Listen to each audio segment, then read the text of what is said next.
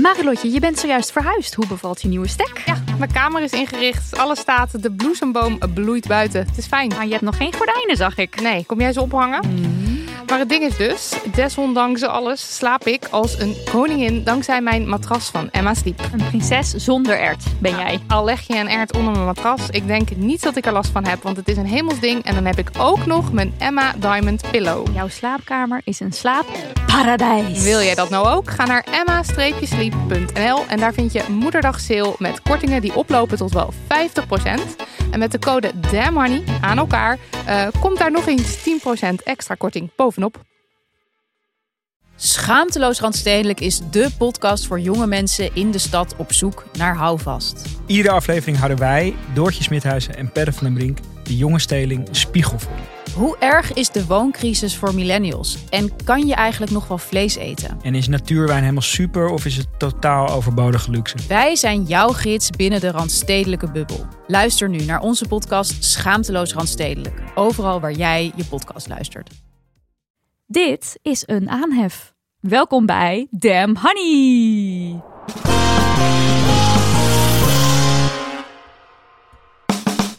De podcast over shit waar je als vrouw van deze tijd mee moet dealen. Mijn naam is Nidia. En ik ben Marilotte. En dit is aflevering 119. En vandaag hebben we twee gasten in ons midden. Eentje eh, digitaal en eentje hier in de studio om het met ons te hebben over validisme. Uh, ze maken allebei onderdeel uit van Feminists Against Ableism, een disability justice collectief. En de eerste die ik aan jullie mag voorstellen is Suzanne Bolle. Hallo Suzanne. Hallo. Hallo. Welkom. Uh, jij schuift bij ons in, de, in de studio aan. Gast nummer twee kunnen wij scherp en helder zien op het scherm en ook scherp en helder horen via de, um, hoe zeg ik dit? Hoe heet dit? Koptelefoon. Koptelefoon. um, Misschien ken je hen wel als slaapkameractivist, want onder die hendel spreekt hen zich regelmatig uit over allerhande shit. Het is Jackie Davis. Woehoe. Hoi. Hallo. Welkom. Uh, ja, nou, voordat we zo meteen validisme induiken, gaan we eerst eventjes naar onze openingsklassieker. Marilot, ja. hoe ging jij onlangs de Feminist in? Nou, mijn femimisser is dat ik me zo ontzettend van mijn stuk liet brengen door mijn rijexaminator.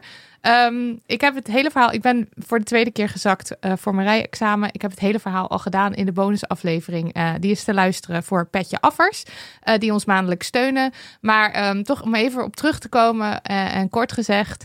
Ik had echt een, uh, ja, een zak hooi van een vent naast me zitten tijdens mijn examen. En ik werd zo uh, ontzettend zenuwachtig van hem.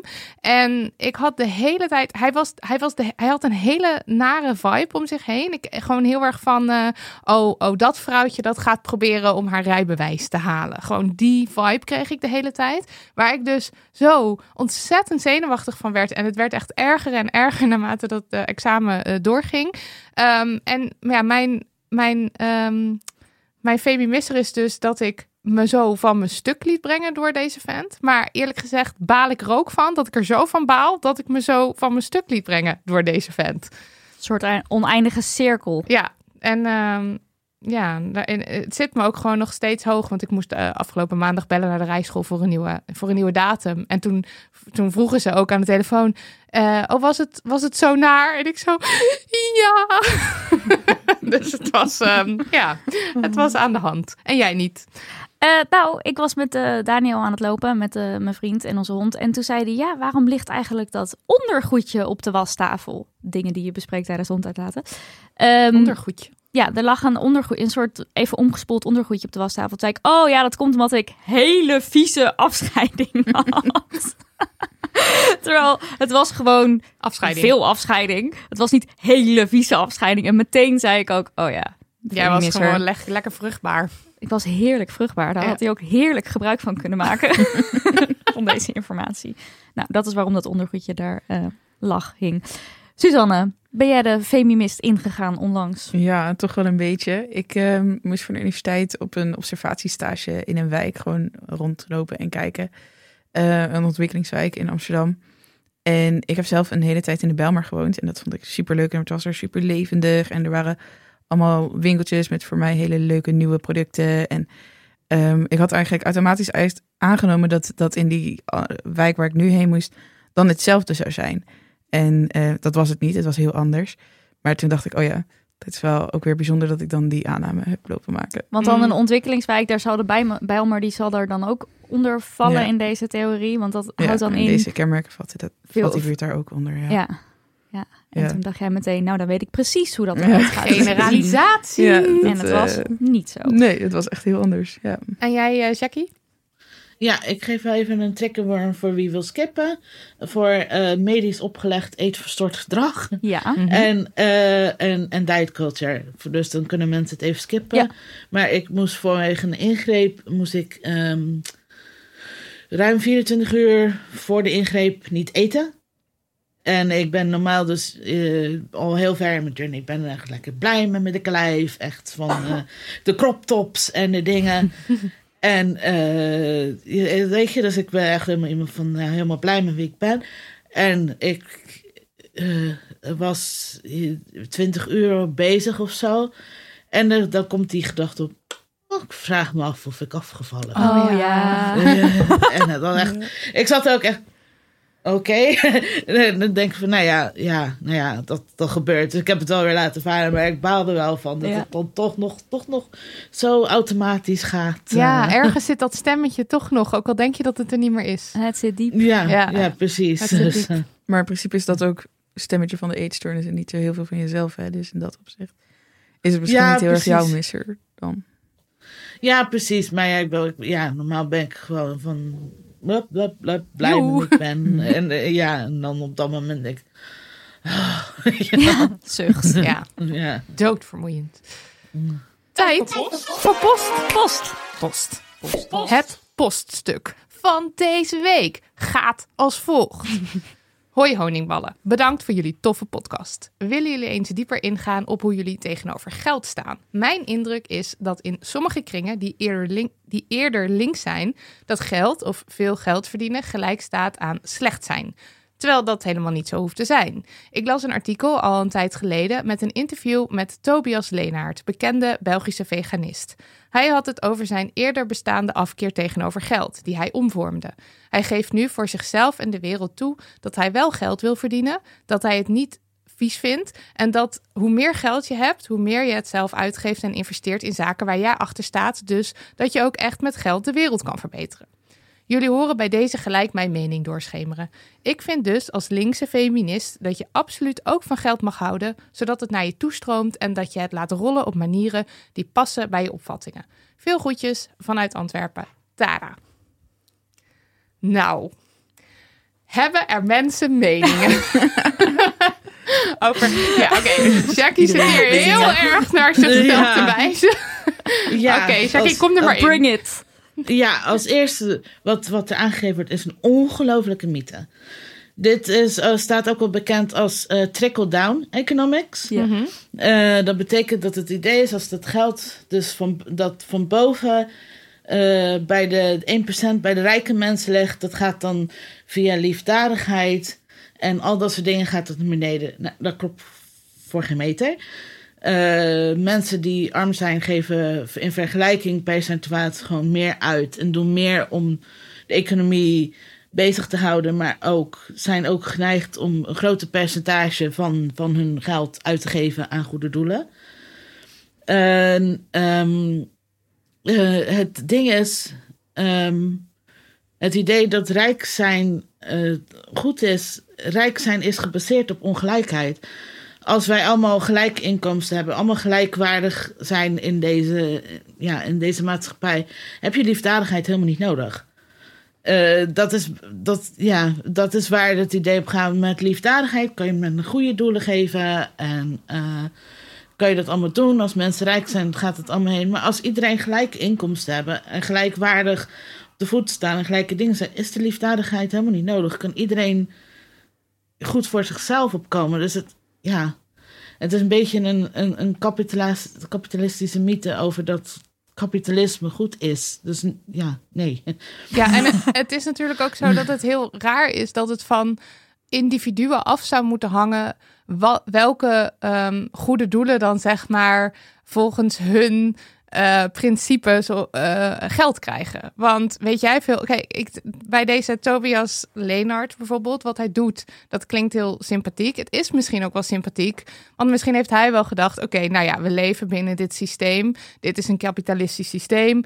Uh, blijkbaar is dit wat het is. En nu ga ik gewoon zorgen dat ik veel geld verdien, zodat ik het ook kan weggeven weer aan goede doelen. Maar uiteindelijk is het natuurlijk zo dat het hele systeem gewoon ontzettend oneerlijk is. En het zou niet bij een individu als deze Tobias of wie dan ook moeten liggen dat diegene bepaalt waar het geld naartoe gaat. Want iedereen zou in de basis gewoon gelijkwaardig moeten zijn en dezelfde kansen moeten hebben. En ook een soort, ja, weet ik veel, basisinkomen of zo. Oké, helemaal met jullie allebei eens. Ja. Advocaat van de duivel. We leven niet in een wereld waarin iedereen gelijkwaardig is of uh, de gelijke kans krijgt. We Mhm. leven in een wereld waarin geld heel veel macht heeft en sommige mensen meer geld hebben dan anderen. En je met geld dus wel iets kan doen. Ja, ik, Ik denk, ik gooi het er gewoon even in. nou, ik, ik moet eerlijk zeggen, ja, als je ehm, inderdaad kijkt naar een ideale wereld, dan zou het er voor mij ook veel meer zo uitzien en niet zo kapitalistisch en een heel ander systeem zijn. Ehm, maar zolang je nog wel in dit systeem leeft, kan ik het ook niemand kwalijk nemen dat je geld wil hebben. Ik bedoel, je hebt het nu ook gewoon nodig om een fijne levensstandaard te hebben, een fijn huis te hebben en eh, goed voor jezelf te kunnen zorgen. Dus dat kan ik dan niemand kwalijk nemen. Maar voor mij zit er wel heel duidelijk ook een grens aan. Als je het hebt over ehm, multimiljonairs of miljardairs of zo, dat vind ik echt niet ethisch. Ja. Nee, precies. Ehm, maar ik, ik vind het niet raar dat je in dit systeem ook moet werken en dat je daarin gewoon goed wil kunnen leven. Ja, nee, Ja, ja. En dat je dus misschien Dat van dus geld, geld houdt, gaat, zo ja. kan je dat Ja. dan noemen. Ja, je, houdt van, ja, je wil gewoon kunnen leven. dat is eigenlijk wat Ja. dan eh, bedoeld wordt. En Maar- wat ik me ook wel voor kan stellen, ehm, misschien als je kijkt naar de linkse activistische wereld, dat mensen denken van nou, dan moet je het allemaal maar eh, voor niks doen. De, dus de, al, al, al het werk wat jij in de activistische beweging stopt, dat moet allemaal maar gratis en dat moet allemaal maar vanuit liefde. En dat je daar wel ehm, Vanaf harder mag. in mag. Ja, Ja, ja. want dat daar ook gewoon eh, kosten, te- dat daar ook gewoon een prijs voor tegenover mag staan. Ja, want, Ja. want uiteindelijk is het gewoon zo dat je als activist of als linksmens of whatever ook inderdaad je beweegt in dit, in dit systeem. Precies. Net zoals met als we het hebben over jeetje, je zou um, eh, eh, niet of als ik als vrouw op straat loop, ik zou niet nageroepen moeten worden of het zou niet zo moeten zijn dat ik eh, dat, dat we elkaar moeten appen om te checken of we veilig thuis zijn. Nee, dat zou niet zo moeten zijn. Maar uiteindelijk leven we dus wel in een wereld waarin, we, waarin, waarin je je onveilig voelt. Eh, daar moet je ook mee dealen. Ja. Dus het is, een soort, het is een soort lopen op dat koord van... ja, je zit er nou eenmaal in, maar we doen ook ons best om het te veranderen. En ergens Ja. heb ik ook gewoon het idee dat, dat dit kapitalistisch... Kijk, zeg maar, nu lijkt het alles... Alles draait om geld. Want je zag het in die coronacrisis al... dat dan bedrijven zoals KLM een hand boven het hoofd wordt gehouden... Ehm, en dat dan in de zorg er moeilijk wordt gedaan over bonussen krijgen. En, en daarin zijn natuurlijk gewoon. Als het drijfveer echt geld is en winst maken, daar gaat iets helemaal mis. Ja. Maar ik heb gewoon niet het gevoel. Geld zou natuurlijk ook binnen een, een ander vormgegeven systeem. Uiteindelijk zou de drijfveer rechtvaardigheid of klimaatrechtvaardigheid, of gewoon rechtvaardigheid in het algemeen moeten zijn. En geld de, het middel om dat te bereiken en de wereld draaiende te laten houden, zeg maar. Maar dat is nu niet zo. En Ja. daar Ja. val ik heel erg over. Nou, wat, je dus ook, wat ik dus ook wel altijd vind, is dat...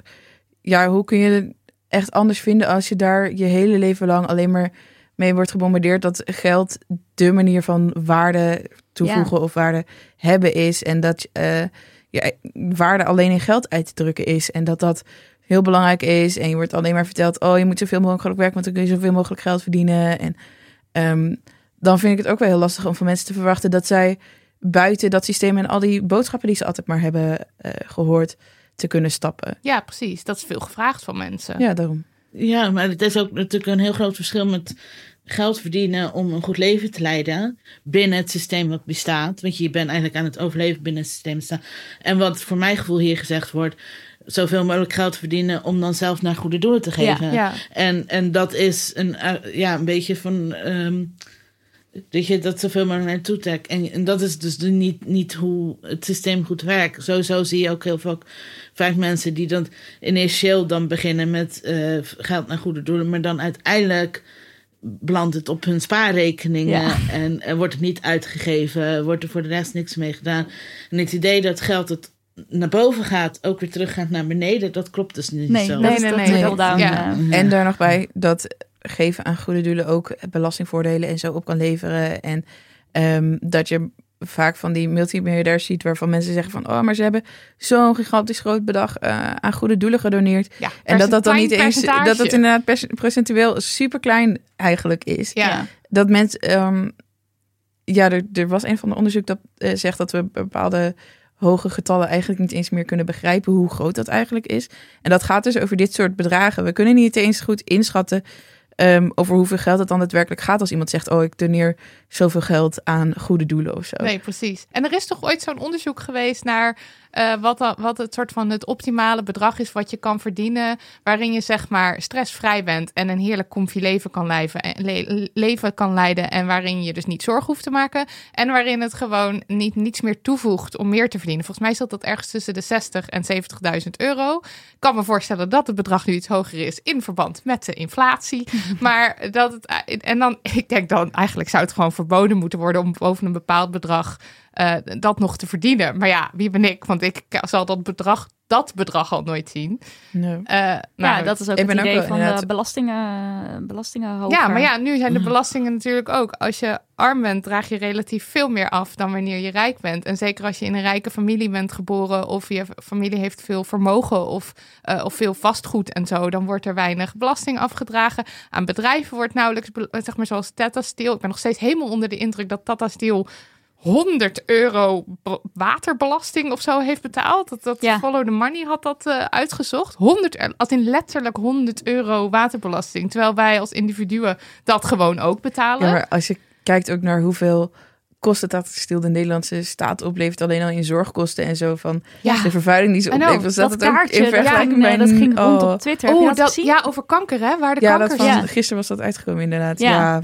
Ja, Echt, dat vond ik Oh. ook zo shocking. Maar en, en, en, dan, en dan zie je dus maar dat er echt heel erg op korte termijn wordt gedacht. Hoe kunnen we op korte termijn zoveel mogelijk geld verdienen? Terwijl je, als je het dan zo nodig in geld zou willen uitdrukken, kan je ook kijken naar hoe kunnen we op lange termijn zorgen dat er zo min mogelijk mensen kanker krijgen. Zodat Ja. we al die kosten niet hebben, als je het zo zou willen uitdrukken. En, sorry, ik heb me erg ingelezen. ik ben het gewoon heel boos staat een over hele lijst met bronnen ook in ons draaiboek. Ja, maar Ja. ik las ook over een, een of ander bedrijf, zo, eh, een van de tien grootste baggeraars in de wereld, die dan in Nederland zit, die dan nu dreigt om Nederland te verlaten, omdat er een wet eh, ethisch ondernemen of zo, omdat er een gesprek gevoerd gaat worden in de Tweede Kamer over ethisch ondernemen, wat er dus voor gaat zorgen, wacht, ik moet het even goed voorlezen, waarbij bedrijven verplicht worden dwangarbeid, moderne slavernij en milieuvervuiling uit hun productieketens te bannen.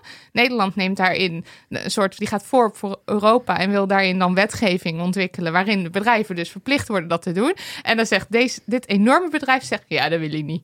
Ja, dat kan niet. En dan gaat ze, En dan gaat het dus ook niet door. nou, dat weet ik dus niet, maar dit is dus een dreigement. En ik kan me dus voorstellen dat dat dus uiteindelijk is van, nou ja, dan doen we het niet. Dat is toch ook de tijd met, ja, maar dan gaan we weg uit Nederland. Ja. Als Ja, jullie ga maar belasting weg. weg, dan gaan we Doei. weg. Ja. Maar goed, ik denk, kan ik dan namens ons allen concluderen dat, we, eh, dat je best van geld mag houden, want logisch in deze maatschappij, maar dat we niet houden van het hoorden van geld en de ongelijkheid in stand houden? En dat Ja, we dus niet denk- geloven in de trickle-down econ- Absoluut, economy. ja. Ja, ja, ik denk wel dat ik zelf heel erg een harde, men- harde mening daarin in. Ik denk niet dat je een goede feminist kan zijn om pro-kapitalistisch om de, en Ja. dan pro-kapitalistisch te zijn. Want eh, het kapitalisme werkt op ongelijkheid. Dus je kan niet aan de ene kant zeggen ik ben tegen ongelijkheid.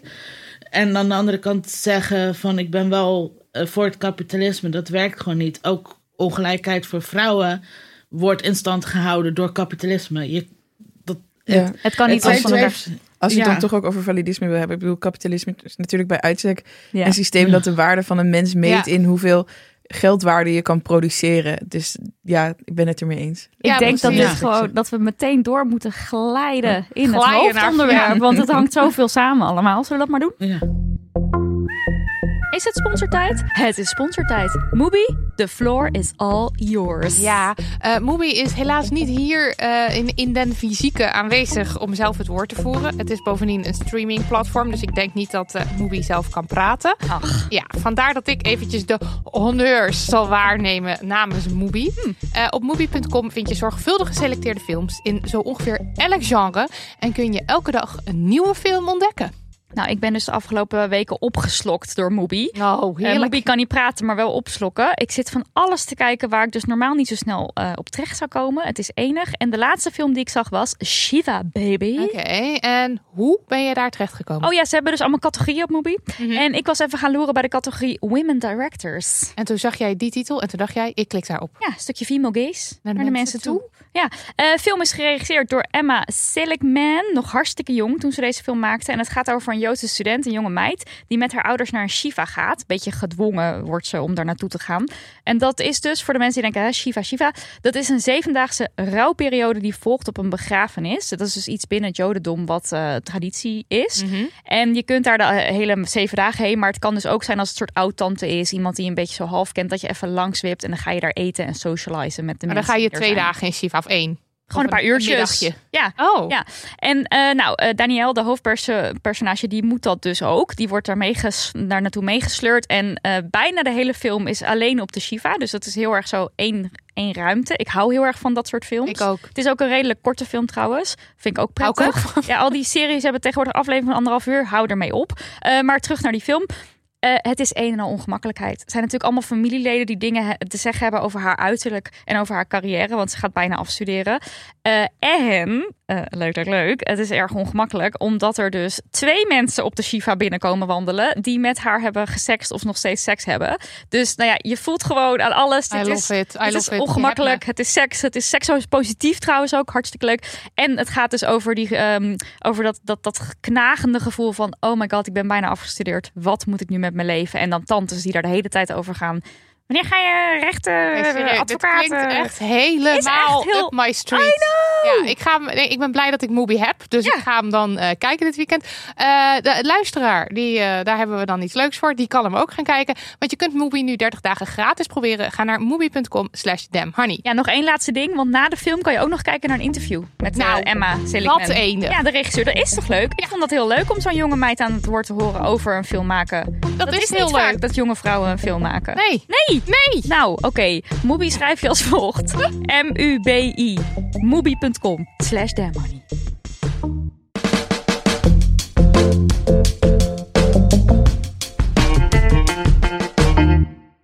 We moeten het even hebben over validisme, of op zijn Engels ableism. Het is een woord dat regelmatig valt in onze podcast, maar waarvan de betekenis nog niet altijd even duidelijk is voor iedereen. Uh, laatst gebeurde het volgende. Ik dacht even een grappig voorbeeldje om, om, om te laten zien dat het nog niet bij iedereen een ingeburgerd woord is. Um, we hadden een radio-interview en die host die ging uitleggen waar onze podcast zo al over gaat. En dat was wel een heel kort interviewtje, echt zo twee, drie minuten of zo. En uh, dan ging hij zo, nou, een podcast over uh, klimaat, veel, klimaatverandering, menstruatie, menstruatie en? en over vandalisme. Kijk, dat kan natuurlijk gebeuren. Misschien was het ook oprecht een verspreking. Ik heb geen idee. Maar goed, wij weten ook wel dat er zat mensen zijn die eigenlijk het hele woord niet kennen. Uh, uh, die, die, die dus vandalisme ervan maken in hun hoofd. Of gewoon denken, nou, het zal, zal wel. ja. En wij vinden dat het tijd is voor verandering. Um, want de aandacht voor validisme is nihil. Terwijl heel veel mensen ermee te maken hebben. Uh, vandaar dat jullie vandaag bij ons aangeschoven zijn. Jackie, for once and for all. Wat in hemelsnaam is validisme? Oké, okay, nou, validisme is eigenlijk de discriminatie en uitsluiting van gehandicapte mensen en iedereen die de maatschappij als gehandicapt ziet. Mm -hmm. ja. um, dit gebeurt eigenlijk omdat we in, in, de in een samenleving leven waar mensen een heel erg een waardeoordeel um, geven aan hoe iemands brein werkt en hoe iemands lichaam werkt. En gebaseerd op dat waardeoordeel, um, ja, daar nemen ze stappen op. Dus in deze stap is dus discriminatie. Het is het creëren van ontoegankelijkheid, het uh, Um, ja, de vooroordelen die ze hebben, omdat me, uh, je eigenlijk bepaalde dingen niet kan doen of niet op dezelfde manier kan doen zoals de rest van de samenleving uh, uh, het dus doet. Um, eh, deze. eh, het gaat er eigenlijk voor de mensen dus eigenlijk een beetje om. om ja, ze willen eh, eh, dat alles binnen de norm past. Alles normaal is. Dus Tussen aanhalingstekens. eh deed, je, deed je voor de mensen die niet kunnen meekijken. ja, precies, inderdaad. Eh dus tussen aanhalingstekens dat het normaal is. Als jij dus buiten die norm valt, dan doen ze er ook eigenlijk alles om jou aan om jou buiten. Eigenlijk ja, buiten te sluiten van alles eh, wat dat betreft. Dus als jij dus eh, niet op dezelfde manier kan werken, als jij ehm, eh, hulp nodig hebt, eh, als jij andere vormen van toegankelijkheid nodig hebt. De maatschappij, de samenleving is natuurlijk eigenlijk ook heel erg ingericht op de gemiddelde mens en niet op dat eh, eigenlijk zoveel mogelijk mensen mee kunnen doen aan de samenleving. Ja. En dat is eigenlijk een beetje wat, wat, wat validisme is. En het heeft dan ook eh, niet alleen impact op gehandicapte mensen, maar als transpersoon merk ik ook dat het ook iets is waar je als transpersoon tegenaan loopt. Bijvoorbeeld ontoegankelijkheid in het hele gesprek rondom eh, eh, toiletten en kleedkamers en het hele gebeuren. Dus het is. eh, een, het is wel een systeem dat eigenlijk heel erg verbonden is ook met alle andere vormen van, van discriminatie. Ja. Ja. Ja, ja het is inderdaad ehm, ook maar heel erg wie de maatschappij ziet als gehandicapt. Het is natuurlijk, eh gehandicapt is een ehm, zelfidentificatie. Er is geen dokter die jou vertelt, oké, nu ben je gehandicapt. Mm, Dan ja. krijg je de, dat, Oh, dit had Ja. ik inderdaad De nog nooit. Want je, want, je, Nee. want je hebt het over gehandicapte mensen. Ja. Maar wie precies krijgt dat label dan? Ja, dat is, het is inderdaad meestal een label dat je jezelf moet geven, maar er zijn ook zat mensen met heel veel geïnternaliseerd validisme, dat je over jezelf denkt, oh, maar ik ben niet gehandicapt, want, eh nou ja, ze is en zo, omdat je maar niet bij die groep wil horen. Ehm, maar het is ook wie de maatschappij ziet als gehandicapt. Bijvoorbeeld, ehm, ik gebruik een kruk en ik draag een bril. En in principe is het allebei iets wat mijn lichaam niet zo heel goed doet. En een hulpmiddel dat dat oplost, zodat Ja. ik het beter kan. Ehm, maar mijn bril komt in hele een heleboel verschillende monturen en kleurtjes en leukigheid. En niemand kijkt er ooit raar van op. Ehm, terwijl dat met mijn kruk echt niet het geval is. Er zijn geen tot weinig leuke kleurtjes en zo van te vinden. Tenminste, ik heb ze nog niet gevonden. Eh, mensen kijken altijd heel raar op als ze eh, horen dat ik die altijd gebruik. En ehm, dat is allemaal best wel een ding. Er wordt ook best wel een groot ding van gemaakt. Terwijl in principe doet het precies hetzelfde als mijn bril. Ja. Dus het is ook best wel ehm, wat de maatschappij ziet als een probleem. Ehm, wanneer wordt gezien als gehandicapt. Ja. Ja, Want ja. het is natuurlijk niet zo dat iemand tegen jou zegt: joh, je moet het echt eens zonder die bril proberen. Want doe Ja. dat nou maar gewoon. Want anders dan lijk je zo oud of zo, weet je Ze wel. zeggen nog wel, gebruik eens lenzen natuurlijk. Dat, dat Ja, nog wel is- met name is- tegen vrouwen inderdaad, maar Ja. ja. Ja, dat wel. Maar Van precies, het liever is- niet zien dat, je, dat er iets is wat je, waarbij je hulp nodig hebt. Dat is Ja. altijd nog beter, denk ik. Maar bij jouw kruk krijg je misschien wel... Maar van, je bent Ja. nog zo jong. Je bent En zo nu al jong met en heb je het echt wel nodig. Ja. En eh, er wordt, ja, je krijgt inderdaad, dat heb je het bijna echt wel nodig. Er wordt bijna om verantwoording gevraagd dat je wel echt, eh, dat je niet doet alsof je iets afneemt van iemand anders of zo. En ja, Ja. ja dat, is, dat valt heel erg op inderdaad. Ja. En nog heel even over dat geïnternaliseerd validisme. Want dat is misschien dan toch ook net nog een beetje ehm, ja, ongrijpbaar voor, Ja. voor mensen. Kunnen jullie daar misschien nog wat meer voorbeelden van geven? Eh, ja, ja, geïnternaliseerd validisme is eh, inderdaad echt eh, van. ehm, nou ja, ik zie het nu wel een beetje soms terug bij sommige mensen met, met long-covid nu. Ehm, eh, dit is echt, het gaat over specifieke groepen. Heel veel long-covid mensen trekken wel gewoon op met bestaande patiënten zoals ME en zo. Maar een specifieke groep die ziet zichzelf nu als, dus heel, an- als heel anders als de rest van de gehandicapten. Want eh, ze, ze denken dat hun omstandigheden waarin zij gehandicapt zijn geworden ehm, heel, heel anders zijn. Eh, en, en dat ze dus niet zo zijn als al die ehm, mensen die niet hard genoeg hebben gewerkt om Om bijvoorbeeld Eh, beter ja, te worden. ja. Ja, precies dat. ook weer tussen aanhalingstekens uiteraard, want dat is Ja. onzin. Maar ja, Ja, daar, daar kom je inderdaad... eh, sorry, onderbreek ik jou nu? Of? Nou ja, ik wou zeggen, daar is, daar is ook een naam voor. In het Engels heet dat eh, lateral ableism. En eigenlijk grof vertaald is dat zijdelings eh, validisme.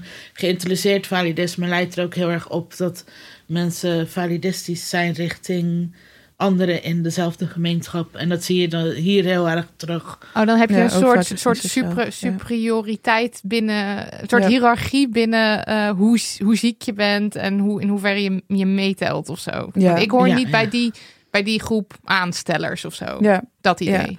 Ja, waar, waar je op terugkwam, inderdaad, dat je het zelf niet hard genoeg geprobeerd hebt of zo. Mm. Ehm, dat is wel een, een groter maatschappelijk ding dat ik ook eh, heel erg op vind vallen. Dat mensen heel erg zelf verantwoordelijk worden gesteld voor hun gezondheid. En ehm, ja, je, je moet zelf ge- gezond genoeg eten en dan word je niet ziek. Het is het is je eigen schuld als je ziek wordt, want je hebt niet gezond genoeg gegeten of niet genoeg eh, gesport of zo. Terwijl dat gaat er aan voorbij dat ehm, heel veel mensen, sterker nog, de meeste mensen gewoon nog steeds ziek worden door omstandigheden eh, waar ze niks aan kunnen doen. Eh, het is niemand die er echt om gaat vragen van, oh, ik wil zo graag ziek worden of zo. Ehm, en dat er ook heel veel omstandigheden kunnen zijn, zoals bijvoorbeeld dat gezond eten. Ja, is leuk en aardig, maar het kost ontzettend veel geld om gezond te eten. Dus je kan er, je kan er eh, het ligt, ja, je kan er meestal gewoon niks aan doen. Er zijn, het is niet alsof mensen ervoor kiezen om ziek te worden. Ehm, en alsof de omstandigheid die voor jou niet telt, voor een ander ook niet telt. Weet Ja. je wel? Ja. En behalve het geld natuurlijk ook tijd en energie Ja. eh, om bijvoorbeeld ehm, eh, verse groenten, eh, laten we zeggen, om de dag op de markt te halen. Dat is iets wat voor heel veel mensen helemaal niet eh, tot de mogelijkheden behoort om naar buiten. Ja, als, je gaan. het, als je het hebt over kapitalisme en over wat er, wat daar mis mee is, dit is daar ook mis mee. Want het is dus ook, eh, ben je een gehandicapt mens, dan is het, eh, zeg maar, je, je, een gehandicapt mens met geld heeft veel meer kansen dan eentje zonder. Ja. Hey, en Ja. even over Ja. de bewoording, hè? want we hebben het nu over gehandicapte mensen. Eh, je hoort natuurlijk ook de term minder valide. Ja. Ja, Tell me all about it. Allebei meteen Ik stijgeren. vind het Ja. leuk, eh, Maar dit zie Jackie, je hoe heel al deze veel- gezichtsuitdrukkingen, er gebeurt veel. Maar je ziet dit heel veel bijvoorbeeld ehm, op websites staan van eh, we hebben een wc voor minder valide. Ja, ja, minder valide of invalide.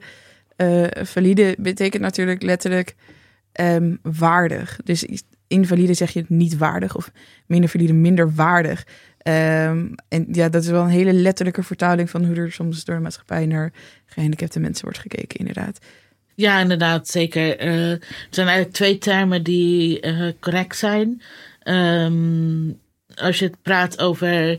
De makkelijkste manier om het eigenlijk te onthouden is als je praat over vooral de beperkingen die wij ervaren, die komen door de, door de samenleving. Ja. Dan is gehandicapt eigenlijk het beste woord. Als je praat meer over onze fysieke aandoeningen, als we daar het gesprek over gaan, dan, zou, dan, dan gebruiken we meestal eh, het woord beperkingen Ja. omdat dan de beperkingen zeg maar meer vanuit het lichaam komen. Oh ja. En, ja. En het is natuurlijk ook aan iemand zelf om woorden te kiezen. Want het een, de ene persoon vindt het woord Ja. gehandicapt niet zo chill. En eh, de andere vindt het woord beperking niet zo fijn. Ja, ja, ik gebruik zelf eigenlijk altijd gehandicapt, zeg maar, in zijn compleetheid. Omdat ik het eh, ja, te veel gedoe vind om constant van woorden te wisselen Ja. voor mezelf. Ja. Ja. Ja, En- ik vind eh, de term disabled in het Engels nog steeds het fijnst. Ehm, maar ja, dat is inderdaad ook een persoonlijke voorkeur. En ik vind het wel dat de Nederlandse taal er niet altijd echt prettige opties voor heeft. Hmm, ja. Ehm, maar ja, dat is mijn mening. Dat is ook iets wat we vaker terugzien, toch? Ja, dat er nog niet altijd de goede De woorden voor Nederlandse zijn. taal is niet super Eh, ontwikkeld. en ehm, dan toch nog heel erg. sorry, ik ga even nog even wat meer op, op dingen in, omdat ik denk dat het misschien niet altijd even duidelijk is.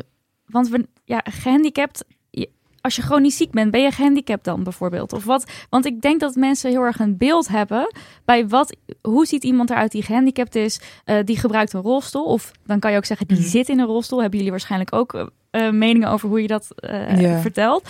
Eh, en die, die kan bijvoorbeeld niet staan. Ik, zeg- ik zeg nu eventjes, ik probeer even vanuit mensen die helemaal nog nooit iets hebben gelezen over validisme. Of, En dan die dus denken aan een gehandicapt Ja. mens. Dat is iemand Dus wat- die zit in een ja, wanneer. we- we- Ja, ik denk dat, dat het is heel veel breder natuurlijk. ligt aan in hoeverre ehm, het je beperkt. In hoeverre je door jouw ziekte eh, door de maatschappij wordt beperkt. Ehm, kijk, als je zegt, ehm, ik heb een chronische hartaandoening waar ik zelf verder nooit last van heb. en eh, geen klachten van heb, geen medicijnen voor, te, voor hoeft te slikken, ja, dan zou ik misschien niet zo snel zeggen dat je gehandicapt bent. Nee. Ehm, maar als je zegt, het zit me, het zorgt dat ik eh, bepaalde eh, dingen niet goed kan en dat bepaalde dingen mij in de maatschappij meer dwars zitten, ehm, ja, dan zou ik daar vrij snel die term aan geven, Ja. inderdaad. Ja, het is ook wel een, eigen keuze natuurlijk. Maar bijvoorbeeld iemand die chronisch ziek is, is meestal ook wel gehandicapt. Maar eh, ja, ze kiezen, wordt er vaak ehm, voor gekozen om dan eh, niet dat te gebruiken door mensen. Omdat we nog heel erg in de maatschappij leven die denken van... Nou, gehandicapt ziet er alleen maar op één bepaalde ja. manier uit. Maar er zijn ook meer aandoeningen dan alleen fysieke aandoeningen... waardoor Ja. iemand gehandicapt kan zijn. Eh, als ik kijk naar mezelf, ik, ik ben ook autistisch. En... eh, ik heb ook eh, psychische aandoeningen. Ik heb OCD. Ik heb posttraumatische stressstoornis onder andere. Die dingen geven mij ook echt beperkingen in wat ik kan doen in de samenleving aan de hand van hoe de samenleving is ingericht. Dus het, ja, eh, eh, het idee dat handicap er alleen maar op één bepaalde manier eh, uitziet en men alleen maar op één bepaalde manier over kan praten, klopt gewoon niet. Nee. Nee. En met name ook inderdaad ehm, dat het altijd zichtbaar is. Heel veel mensen Ja, zijn natuurlijk eh, onzichtbaar gehandicapt of onzichtbaar ziek. Ehm, en dat is, dat is iets wat mensen zich niet heel snel realiseren als ze een jong iemand zien lopen ehm, en die zegt, oh, maar ik ben wel gehandicapt. Dat ze vaak denken, ja, maar volgens mij stel je je nou gewoon aan, want ik zie niks aan je, dus ik, er is niks. ja. Ja. Maar en, dat- en dit is waarschijnlijk ook, dit is gebrek aan representatie ook. Dat er dus één zo'n beeld is Ja. van iemand gehandicapt, eh, zit in een rolstoel en dat is het. Ja, we gaan heel erg uit van een gezonde lichaam als, een- als de norm. Ja, Terwijl eh, eh, ongeveer 1 op 4, op 1 op 4 à 1 op 5 mensen zijn gehandicapt. Dat, dat, dat zijn er best wel veel. En eh, wat dat betreft, doordat we zo uitgaan van de norm, zijn er dus gewoon heel veel mensen die eh, gehandicapt zijn. die zichzelf daardoor niet de label durven te geven, omdat ze vind- denken dat hun situatie niet erg genoeg is. Dus bij deze, als jij gehandicapt bent en als je dat woord wil gebruiken, bij deze, welkom. Toestemming. Ja. Ja. Go. Dus, Maar ik denk ja. ook, ehm, tenminste, als ik kijk naar hoe ik in deze maatschappij ook ben opgevoed, ehm, dan was er altijd heel erg iets van: je moet vooral niet over je ziektes hebben of over je beperkingen Mhm. hebben. En dan krijg je inderdaad dat je een gebrek aan representatie kijkt, omdat, omdat het ook niet bespreekbaar wordt gemaakt. Ja, en dat is weer dat, dat, dat validisme of ook intern validisme. Omdat je denkt, ik wil daar niet bij horen bij die Ja. groep. Ik wil het ook niet zien. Ik wil, ik wil Ja, en je wordt ook verteld dat je er niet bij mag horen. Ja, precies. Ja. Want je moet, je, want je moet Want gewoon... je hè, moet beter zijn dan die mensen. Ja, ja, ja, precies. En, en, eh, als we het hebben over validisme, weten jullie nog eh, een van de eerste keren dat jullie daarmee te maken kregen? Of waarvan je achteraf denkt, oh, dat was validisme, maar dat had ik toen niet door. Ehm, ik kreeg eh, op mijn twaalfde last van eh, rugpijn. En ehm, toen kon ik af en toe niet meedoen met gym op de middelbare school. En eh, dat is iets wat ik ook nu inderdaad achteraf denk van ja, dat was validisme. Ehm, maar toen kreeg ik heel vaak van klasgenootjes de opmerking van ja, maar ze stelt zich gewoon aan, waarom doet ze niet mee? En is gewoon lui en ik wil ook wel niet meedoen. Ik moet per se meedoen en eh, dat soort opmerkingen. Ja. Ja. Ja, ik, ik had er nog wel eens over zitten denken. Ik denk, ik ben eigenlijk, ja, eigenlijk mijn hele leven gehandicapt geweest. Ik heb al vanaf kinds af aan chronische bronchitis. Ik heb vorig jaar de diagnose pas gekregen, maar ik ben natuurlijk autistisch. Dus het is eigenlijk wel iets in mijn hele leven. En één ding sprong wel naar voren is... ehm, eh, dat ik mijn chronische bronchitis heb ik eigenlijk vanaf kind af aan eh, echt, echt al tot op het staan echt dingen over in, in mijn babyboekje en al, zeg maar. En ik heb de diagnose pas eigenlijk gekregen eh, toen ik 12 was, omdat de dokter toen de tijd je gewoon eh, elke keer maar wegstuurde met penicilline en dingen. En achteraf gezegd, ja, dat, dat is wel validisme. Dat is wel het idee van eh, kinderlichamen zijn automatisch gezond. Die hebben niks chronisch. Dat kan Ja. niet nu al. Ja. Ja, precies. Eh, En ehm, eh, eh, wanneer kregen jullie de woorden of de, of de kennis om, om dus wel te zeggen van... oh, maar dat, is dus, dat was dus validisme? Oeh. Ehm, dat heeft voor mij wel lang geduurd, inderdaad. Ehm, ik had het denk ik altijd wel door van... oké, dit is gewoon geen fijn gedrag en dit is wel naar. Maar ik denk dat ik... ehm, 18, 19 was, dat ik dat eh, voor het eerst pas echt doorkreeg van, oh, dat is validisme. En dat was Hmm. niet oké op die manier.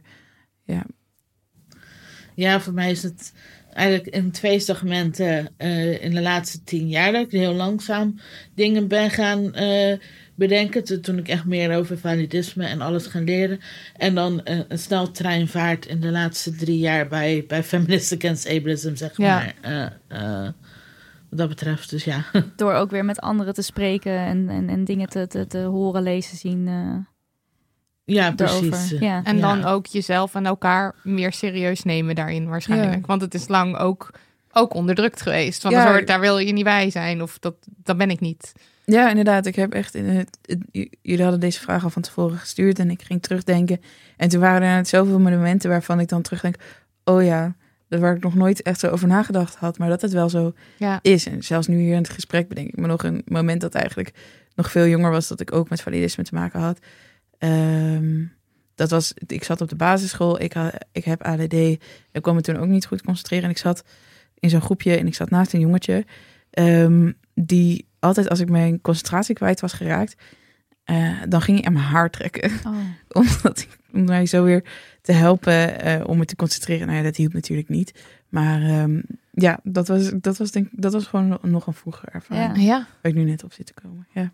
Oké, laten we dan even langs vele verschillende vormen van validisme gaan om het nog meer concreet te maken voor mensen. Want het, ja, ja, Het blijft, het blijft soms wat soort- ontastbaar of ja. zo. Ja. Terwijl er heel veel verschillende vormen, manieren van validisme zijn waar, waaraan je misschien als luisteraar denkt van, oh kut, maar dat, dat doe ik ook, dat zeg ik ook, dat heb ik ook wel eens gevraagd, gedaan, gedacht, whatever.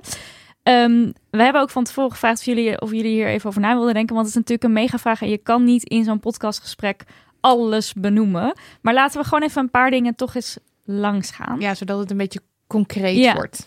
Ja, ja eh, eh, eh, ik moet zeggen, ehm, alles valt wel eigenlijk onder twee basishoofdvormen van validisme. Dus persoonlijk validisme, dus dat is eigenlijk het validisme wat ja, gaat echt in één op één gesprekken, eh, in, in je vriendschappen, in je ding. En dan is de structureel validisme, dat is eigenlijk wat van bovenop van de samenleving eh, eh, helemaal door de samenleving heen vloeit, eh, wat dat betreft. Eh, qua persoonlijk validisme, daar valt, ja, er zijn echt heel veel dingen vallen daaronder. Gaslighting, vooroordelen, echt heel veel basisdingen. En ik had ook wel wat voorbeelden eh, ehm, eh, op, opgeschreven. Eh, omdat ik wist dat ik het zou gaan vergeten. Eh, nou ja, eh, onder voor, voorbeelden zijn bijvoorbeeld dat ge- het idee dat gehandicapte mensen lui zijn. Dat gehandicapte mensen niet zulke goede werkgevers zijn. Dat gehandicapte mensen niet uit een rolstoel kunnen opstappen, is ook zo'n voor, voordeel. Want de meeste gehandicapte mensen die in een rolstoel zitten, kunnen voor de rest wel gewoon ehm, lopen of, of dingen of staan, maar kunnen dat bijvoorbeeld niet, niet, niet, niet, niet lang. Eh, Ja. eh, of, of wat dan ook. Dus die gebruiken rolstoel om andere redenen. Eh, je ziet het nu eigenlijk ook met mondkapjes in, in, de, in, de, in, in, de, in de pandemie. Eh, ehm, dan heb ik het dus nog niet eens over wat, wat de overheid allemaal heeft gedaan. Maar dat mensen gewoon totaal, totaal niet aan denken dat het feit dat ze helemaal niks meer doen aan maatregelen, geen mondkapjes meer doen, dat ze de hele samenleving ontoegankelijk zijn, dat, dat, dat ze ervoor kiezen eh, eh, geen mondkapje te dragen en daardoor eigenlijk niet meer eh, in contact kunnen komen met hun gehandicapte vrienden en hen op die manier uitsluiten. Dus dat is wel echt iets dat, eh, dat je nu heel, heel erg terugziet. Dat mensen eh, eh, niet de moeite willen doen voor, eh, gehandicapte eh, voor de gehandicapte mensen in de omgeving, zodat zij ook mee kunnen doen. Dus wat dat betreft. En zou je de, de, de maatregelen en bijvoorbeeld de mondkapjes in, in de pandemie eh, voorbeeld noemen ook van structureel validisme? Omdat het natuurlijk ook iets is wat de overheid eigenlijk tegen ons zou moeten zeggen. Jullie moeten allemaal mondkapjes dragen in het openbaar vervoer of zo. En dat doen ze niet. Ja, het heeft een beetje een wisselwerking met elkaar. Het is natuurlijk het is een structureel validisme. We hebben natuurlijk nu Ernst Kuipers, die eh, vrij letterlijk zegt van... eh, we kunnen mensen hun chronische aandoeningen niet wegnemen. Dus dan hoeven we ook niks te doen om ze te beschermen. Want de problemen bestaan al. Zelfs ondanks inderdaad dat de maatregelen ons beschermen voor het Meer, krijgen van ja. COVID. Ja, dus ja, ja, we hebben onze bestaande aandoeningen. Maar eh, de maatregelen gaan niet om ons beschermen van bestaande aandoeningen. Weet je. Ja, Ja, dus ja. het is echt eh, wat dat betreft. Maar eh, het is natuurlijk ook wel zo dat het natuurlijk wel. eh, dat ze ook zien hoe negatief de maatschappij reageert. Op, eh, op, op een enige basissympathie en empathie eh, te hebben richting gehandicapte mensen. En dat helpt hun wel, zeg maar, vast te houden aan het gewoon niets doen voor ons. Dus het heeft echt een hele wisselwerking. Ja. En, het, en ook dat, dat idee wat dan er is van... ja, maar mensen die in de risicogroep vallen... die kunnen zichzelf isoleren. Terwijl je Ja. dan dus voorbij gaat aan dat mensen in de risicogroep... natuurlijk allerhande contacten hebben met Ja. mensen... die dus niet aan het isoleren zijn. Zoals zorg, maar ook gewoon partners, kinderen. Wat je gewoon Noem niet kan gewoon- ontwijken. Gewoon mensen. Mensen in de supermarkt, in het OV, mensen in het ziekenhuis. Ja. Je komt gewoon mensen tegen natuurlijk. Ja, ik wil heel graag in een, in een hutje op een hei wonen hoor, maar daar woon ik niet. Nee, dus precies. Ja, Nee. ja dus eh, wat het dat is- betreft. Ik vind ook wel, mensen plaatsen zich altijd heel makkelijk buiten de risicogroep. Ehm, maar als je kijkt naar wat de gezondheidsinstanties zien als ehm nou, pre-existing conditions die een risicogroep maken, dan zijn dat ook echt hele simpele dingen als alleen al een keer al COVID gehad hebben. Dat vergroot je risico op ernstige ziekte of met name long-COVID ook Ja. echt ontzettend. Dus ehm, mensen denken het is zo ver van mijn bed zo en ik val daar sowieso niet onder. Maar dat, ja, mijn je harde er wel boodschap misschien, valt, maar je ja. valt er vaak wel onder. Het, Ja. eh, Ja. en zelfs dingen als ADHD worden gezien als eh, eh, vergroot risico. Dus eh, dat, dat vind ik ook heel bijzonder. Maar Ja. ehm, ja, dus mensen plaatsen zich tussen zichzelf, zichzelf er heel makkelijk buiten. Omdat ze er niet bij willen horen. Ja, ze willen er niet bij horen. Maar dat is niet terecht. Op eh, Twitter heb je ook de, die hashtag alledaags validisme. Ik zie hem vaak bij Max Laatvermogen, maar ik weet niet of het nou echt Max de Bruin ook wel, maar op Twitter Max Laatvermogen. Ik weet niet of, of het bij hen ontstaan is, maar dat wil ik niet per se. Maar eh, daar komen dus allerhande voorbeelden eh, voorbij van gewoon het dagelijkse, eh, zoals bijvoorbeeld het niet ondertitelen van video's. Ja. Ehm, Zie, Daar- zie ik nu bijvoorbeeld staan. Terwijl daar denken mensen misschien helemaal niet aan. Waarom is dat validisme? nou, je maakt je content alleen voor bepaalde mensen toegankelijk. Ehm, mensen die, jou, die slechthorend zijn, die kunnen jou gewoon niet volgen als je het niet doet. Eh, en er zijn is tegenwoordig super makkelijke apps die eh, dit echt vrij makkelijk voor je op kunnen lossen. En er staan er misschien hier en daar een keer wat foutjes in, maar dat is beter dan helemaal niks. Ja. Ja, En het is natuurlijk ook, ja, het is een heel soort van, want ik denk dat eh, de reactie van mensen, ja, maar dat, ik hoef toch niet voor iedereen, voor iedereen te cateren, Ja. of hoe noem je dat? Ehm, maar het, het gaat hier natuurlijk ook over hoe normaal het gevonden wordt om Ja. je video's niet te ondertitelen. ja daarom. En ja, je hoeft niet voor iedereen te cateren, maar als er niemand is die wel voor deze groep catert, dan, en je zou er zelf een keer toe behoren, dan kun je je volgens mij ook wel voorstellen dat je dat ontzettend naar zou vinden. Dus ook daar een beetje empathie zou Mhm. wel gepast zijn. Ja, en Ja, ook en, met eh, de, de alt-tekst van, de, Ja. van foto's. Ook iets wat niet iedereen nog, denk, denk ik, niet iedereen weet. Dat je dus Nee, kan beschrijven wat er te zien is op een over. foto. Ja. Ja, qua digitale ontoegankelijkheid, mensen denken ook heel vaak te snel. Oh ja, er zitten geen gehandicapte mensen in onze achterban. Precies. En, en, en, ja, en, en, en die zijn er dus wel degelijk. Of die willen er zijn, maar die kunnen er niet zijn omdat je dus ontoegankelijk bent. Dus je mist zelf gewoon een, een hele hoop interactie. Als jij, zeker als jij, als jij je geld verdient aan social media, zou juist dat iets zijn waar je bij stil moet staan. Je Ja. mist En, een hoop weg. Ja. en ze zeggen van, ja, er zit niemand in onze achterban. Eh, nogmaals, niet alles is zichtbaar en helemaal online niet. Ik bedoel, je weet niet wie er achter een gebruikersnaam zit. En zelfs al zien we elkaar in real life, weet je nog steeds niet welke beperkingen ik heb, ik heb die je niet kan zien. En Dus wat je nodig eh, hebt. ja. En maar hetzelfde geldt natuurlijk dus voor digitaal. Maar het geldt ook gewoon voor een, eh, een café. Ja, maar eh, rolstoelgebruikers die komen hier helemaal niet. Ja, dus we hoeven helemaal geen drempeltje. Precies. Ja, die Ja. kunnen niet. Ja. Ja, precies. Je, je, je, ik, ik, je, je merkt het ook eh, gewoon heel erg eh, bij clubs bijvoorbeeld. Heel erg. Omdat ze denken van gehandicapte mensen kunnen niet dansen. Nee, ja. Ja, want gehandicapte mensen zitten altijd in Ja. een rolstoel. Zoiets. En met Ja, een rolstoel, ja. kun je- met, zelfs met een rolstoel kun je het nog steeds leuk hebben in een club. Dus, eh, Ja, I know. ja. ja, precies. Ja. Heel veel witte mensen kunnen ook niet dansen. Die mogen toch ook niet Die mogen ook in de club. Daar wordt ook voor gekeken voor die groep. Sterker nog, die mogen veel vaker in een club, maar dat.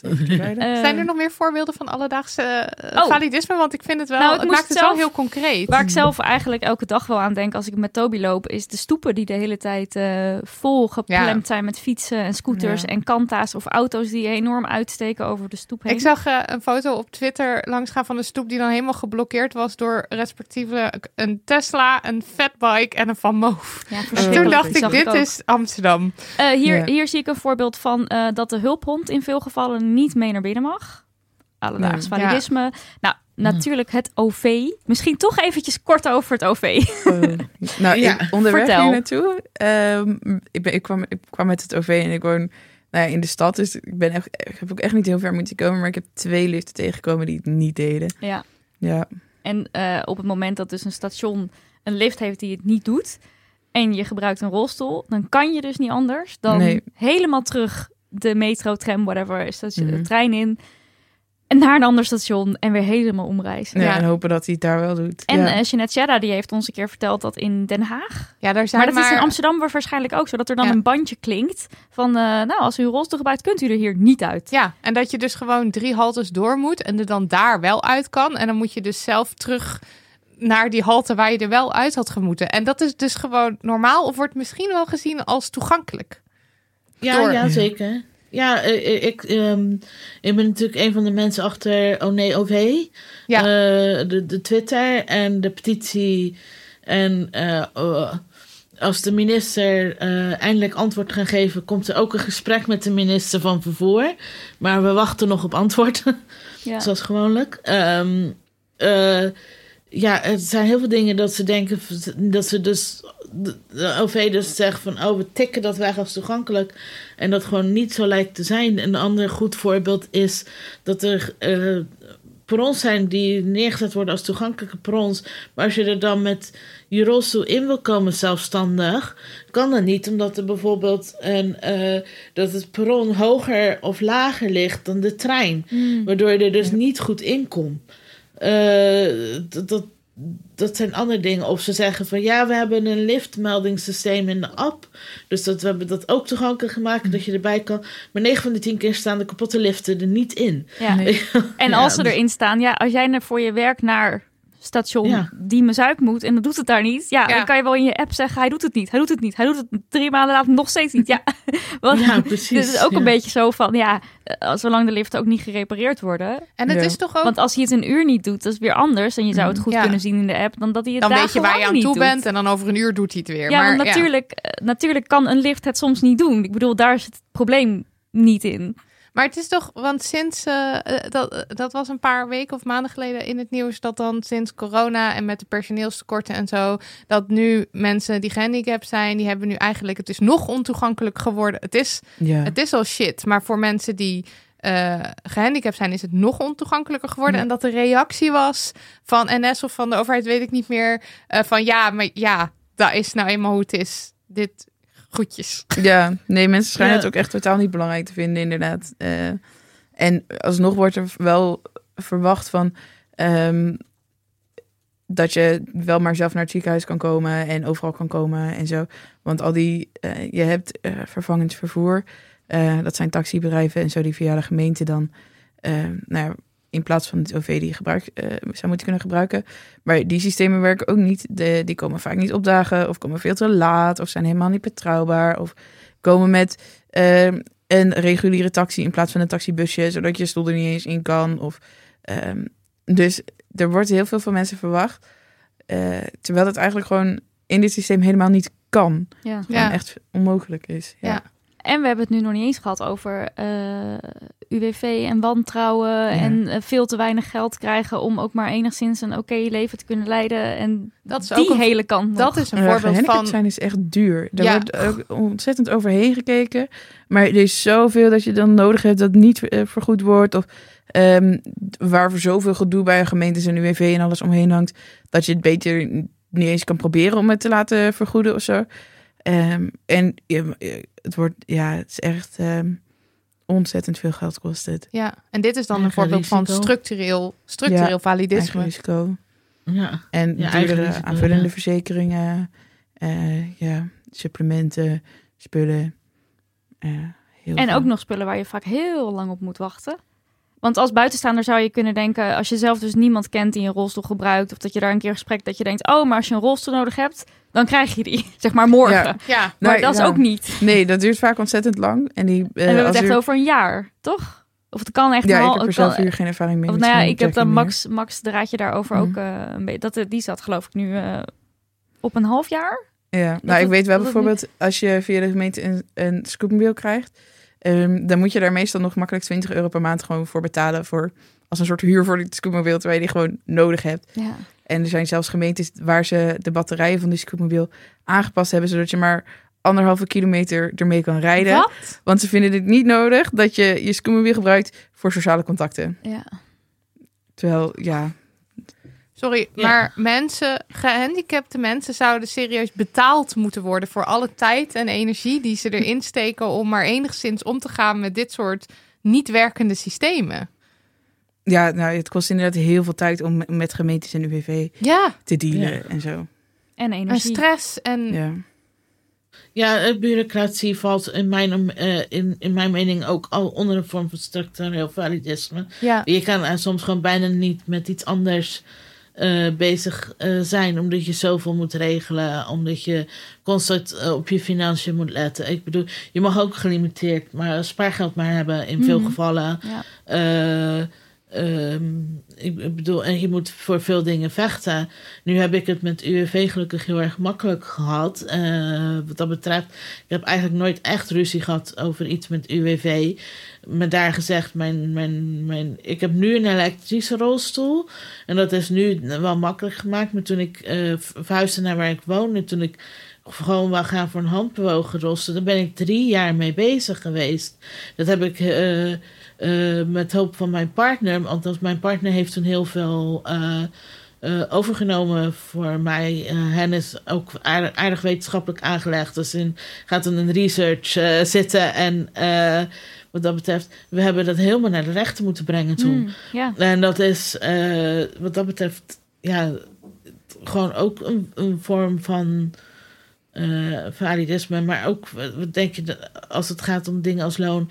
ehm, hoe zat het nou? Ik geloof dat maar 17% van eh, werkgevers hebben, hebben gehandicapte mensen in dienst. En Ja. eh, maar 11% zijn van plan eventueel meerdere mensen aan te nemen.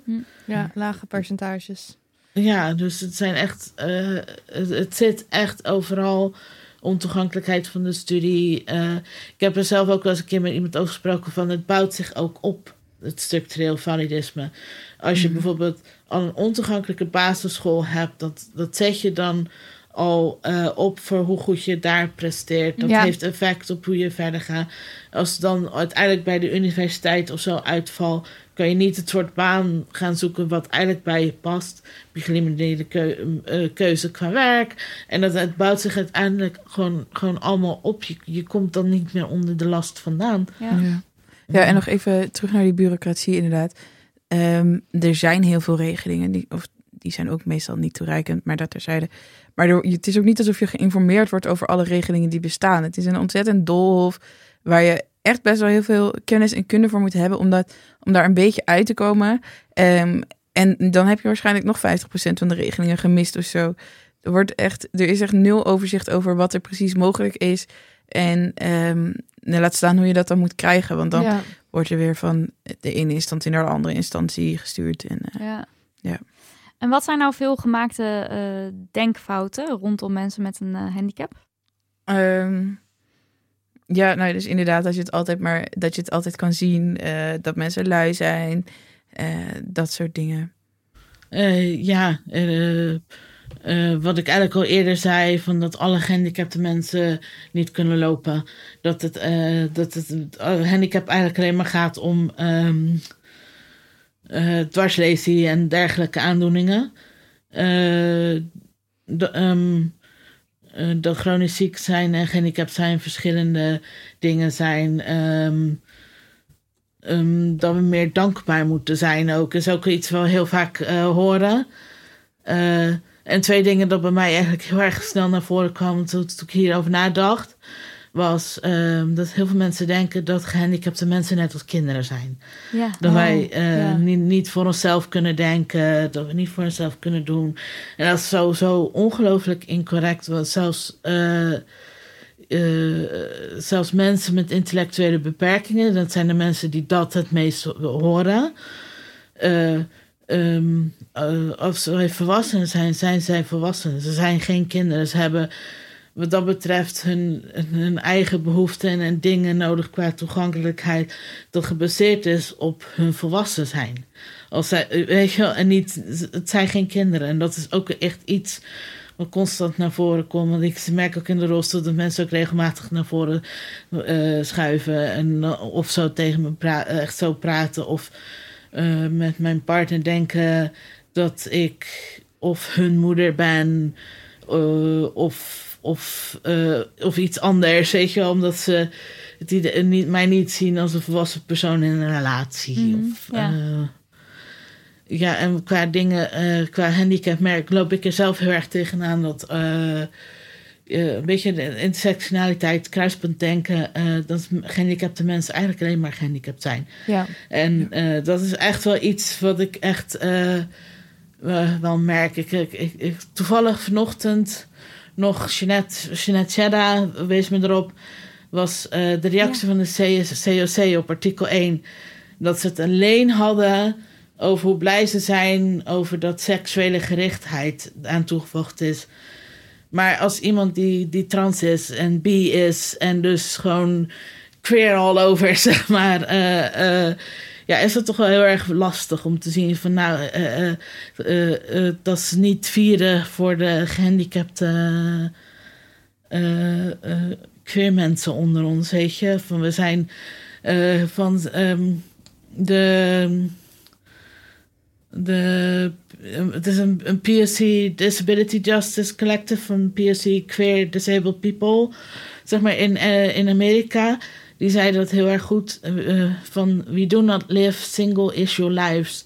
En dat merk ik zelf ook, weet je. Van Ja. ik ben meer dan gehandicapt. Ik ben eh, nu ook voor mijn trans zijn bijvoorbeeld betrokken bij een project dat nog in de kinderschoenen staat, dat binnenkort gaat starten. Met andere trans mensen om transhaat in de media te gaan aanpakken.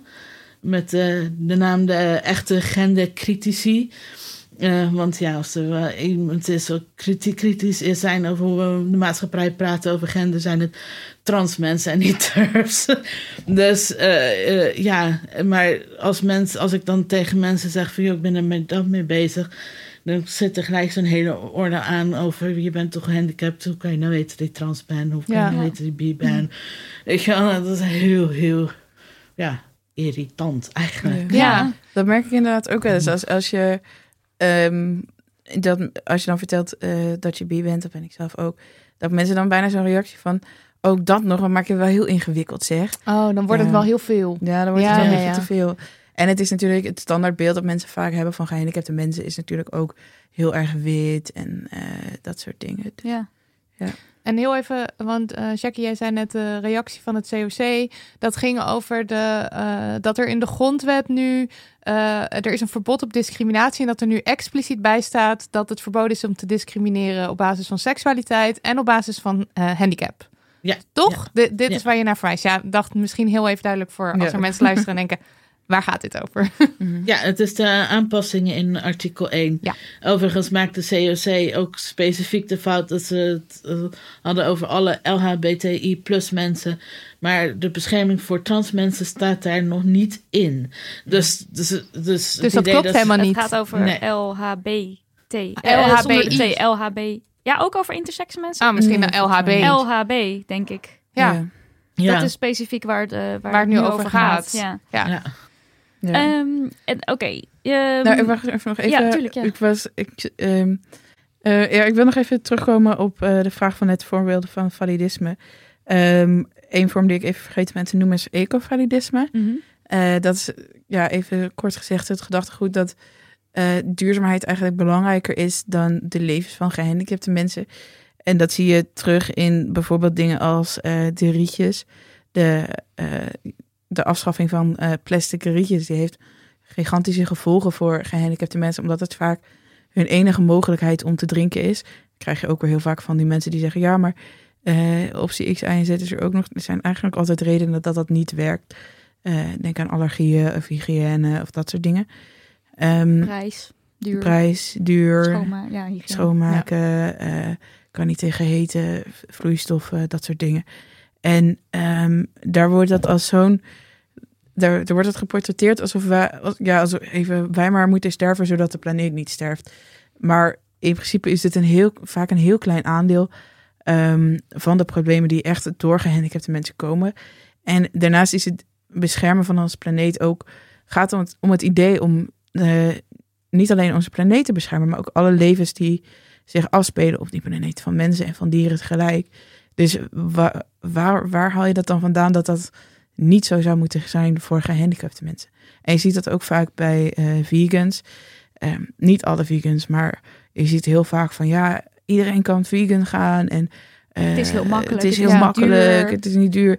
Nou, daar het ten eerste best wel duur als je geen kennis hebt over hoe je het goedkoop kan doen. Ehm, en ten tweede, ja, mensen hebben gewoon allergieën en die hebben die voedingsstoffen gewoon nodig. Ehm, en het is heus niet alsof ze, nou, voor, voor de meeste mensen is het echt niet alsof ze zeggen van, ik ga ehm, echt expres zoveel mogelijk vlees eten, omdat, zodat ik eh, als gehandicapt persoon even de wereld kan gaan verpesten of zo. Ja, tenminste, dan moet je niet bij ons zijn, dan moet je bij de forum zijn. Maar de, ja, dat, ehm, dat die idee wordt er bijna op nagehouden dat je, eh, als je dit gewoon nodig hebt in, die, in je dieet, ehm, dat je dan eigenlijk jezelf maar moet opofferen. of Ja, zo. en er Ja. zit heel erg een component in van dus mensen niet geloven. Ja. Dus zo van, oh maar die rietjes, want die rietjes die zijn bij, bij ons ook wel eens ter sprake gekomen. En dan krijg je toch altijd DM's. Ik vraag me af of nu zojuist iemand al op verzenden heeft geklikt. Ja. Ja. Eh, Er zijn ook ehm, metalen rietjes. Maar kijk, dit is een voorbeeld Ja. van heel veel verschillende opties. En dat kan echt. En dat is dan toch een, een kwestie van gehandicapte mensen die dit aankaarten, die het allemaal geprobeerd hebben. Ik bedoel, Ja. de, natuurlijk heb je het geprobeerd, want je moet het wel proberen. Ja, en deze hele rietjesban, ehm, de, die is eh, bij, de, ehm, bij het maken daarvan is er beloofd dat dat met de uitzondering zou komen dat deze rietjes nog wel beschikbaar zouden zijn bij de apotheek. Nou, dan maak je sowieso iets heel ontoegankelijk, maar dat terzijde. Ehm deze rietjesban is, is in werking getreden voordat die rietjes beschikbaar werden bij de Ja. apotheek. Dus we hebben gewoon, ik weet niet, ik heb ze nu trouwens nog steeds niet gezien. Ik weet niet of Jackie dat weet of ze er nu wel zijn. Maar het is Nee, nee, nee. ja. En het, het gaat om een specifieke andere soort plastic waar ze dan, wat ze dan zouden Mhm. maken. Dat dan eh, beter zou zijn voor het milieu. En Ja. dat is nog niet eens eh, de fabrieken uit. Nee. eh. Wat dat betreft. Ja. ehm, Ja. Dus eh, ja, ik ben zelf eh, plastic rietjes gebruiken door mijn aandoeningen. Vooral omdat ik ook eh, veel liggend moet drinken door de ME. Ik heb de- daardoor een specifiek soort rietje nodig dat kan buigen. Ik heb immuunproblemen, dus een gebogen rietje, metaal of alles wat daar bruikbaar is, valt al eigenlijk uit. Want je krijgt dat niet goed schoongemaakt. Dat hebben ze ook getest. En het is ook gevaarlijk, vaak ook, zeker met metaal. En ik heb heel veel allergieën. Dus eigenlijk alle andere varianten werken gewoon niet voor mij. Nee. Ja, en ik heb dan ook echt eh, om dit, maar ook om de reden dat ik niet fake kan, gaan- kan gaan, echt mensen gehad die eh, tegen me zeggen van je, of van, van je probeert niet hard genoeg tot Ja. eh, ja. je bent echt letterlijk te veel voor de, voor de wereld. Het is beter als je doodgaat. Mm. Wat eigenlijk gewoon een vorm van, van, van, van, van, onder eu- eugenetica, onder eugenetisch denken valt eigenlijk. eh, eh, Mm. En je zou jezelf niet moeten hoeven uitleggen of moeten Ja. hoeven verdedigen als het zo is dat je een rietje nodig hebt. Of als het zo is dat je niet vegan kan eten, dan is dat zo. Ja, waar hebben we het ook over? Ja, hè? en het gaat Ja. hier ook over individuen. Ja, daarom. Daar Het gaat het gewoon Je legt ook over. inderdaad een gigantische focus op eh, een paar individuen, terwijl je, terwijl je vervolgens niks zeggen over, nou ja, noem een Tata Steel die daar nog Shell. gigantische Shell, Ja, de KLM, visnetten. eh, Ja. Ga daar eerst maar. Ga daar even mee bezig. ja. Ja, visnetten overigens. Er was een onderzoek dat zei dat ik geloof 0,005% van het plastic in de oceanen bestaat uit Ja. plastic rietjes en 45% uit visnetten. Ja. Dus als je even wil zoeken waar het om gaat, Hoger ga alsjeblieft Ja, even, even naar die vissers. Heel veel. Ja. Ja. Ja. Hey, maar oké, je, je, je, bent, eh, je kaart iets aan. Je zegt, hé, hey, yo, dat met die rietjes en zo, dat is eigenlijk wel validisme. Wisten jullie dat? Wat is dan de reactie die jullie krijgen?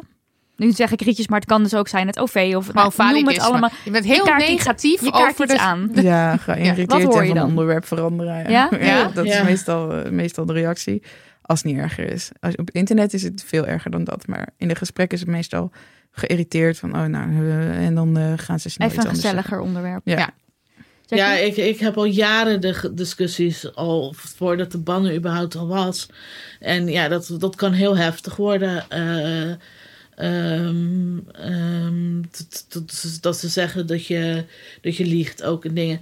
Maar wat eigenlijk het meeste opvalt, is dat je jezelf constant moet herhalen. En dat, dat wordt eh, op een gegeven moment heel vermoeiend. Je moet constant blijven uitleggen waarom dit werkt. Dan moeten ze constant vragen waarom werkt het niet. Maar dan gaat het daarna constant weer door over. Maar het moet toch wel iets bestaan wat wel werkt. Maar dat iets dat niet op dit lijstje staat. En dan komen er de andere mensen in. Ja, maar heb je onze product al geprobeerd? En het is Ja, echt. het is een eh, eh, ja, wat dat betreft. Ja, En mensen ja. willen je ook bijna je bekwaamheid niet accepteren of zo. Dat is ook inderdaad een beetje dat infantiliseren dat je dan eh, wel ziet. Eh, me- ze willen gewoon niet accepteren dat je ehm, daar de kennis over hebt en daar een expert in bent. En Ja. daar, eh, dat je daar gewoon ehm, enige autoriteit op hebt. En wat, Ja. zou dan, eh, wat, wat zouden jullie wel als reactie willen krijgen als je validisme aankaart? Hoe doe je het goed?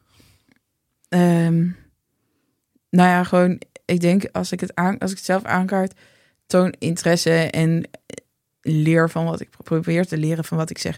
Ik vind het echt niet erg als je af en toe een fout maakt. Ik vind het een probleem als je. ehm, wacht even. Ik vind het een probleem als je, ze- als je geen inzet toont. Ik vind het veel belangrijker dat je, dat je actief bezig bent met. Oh, eh, ik wil het beter doen.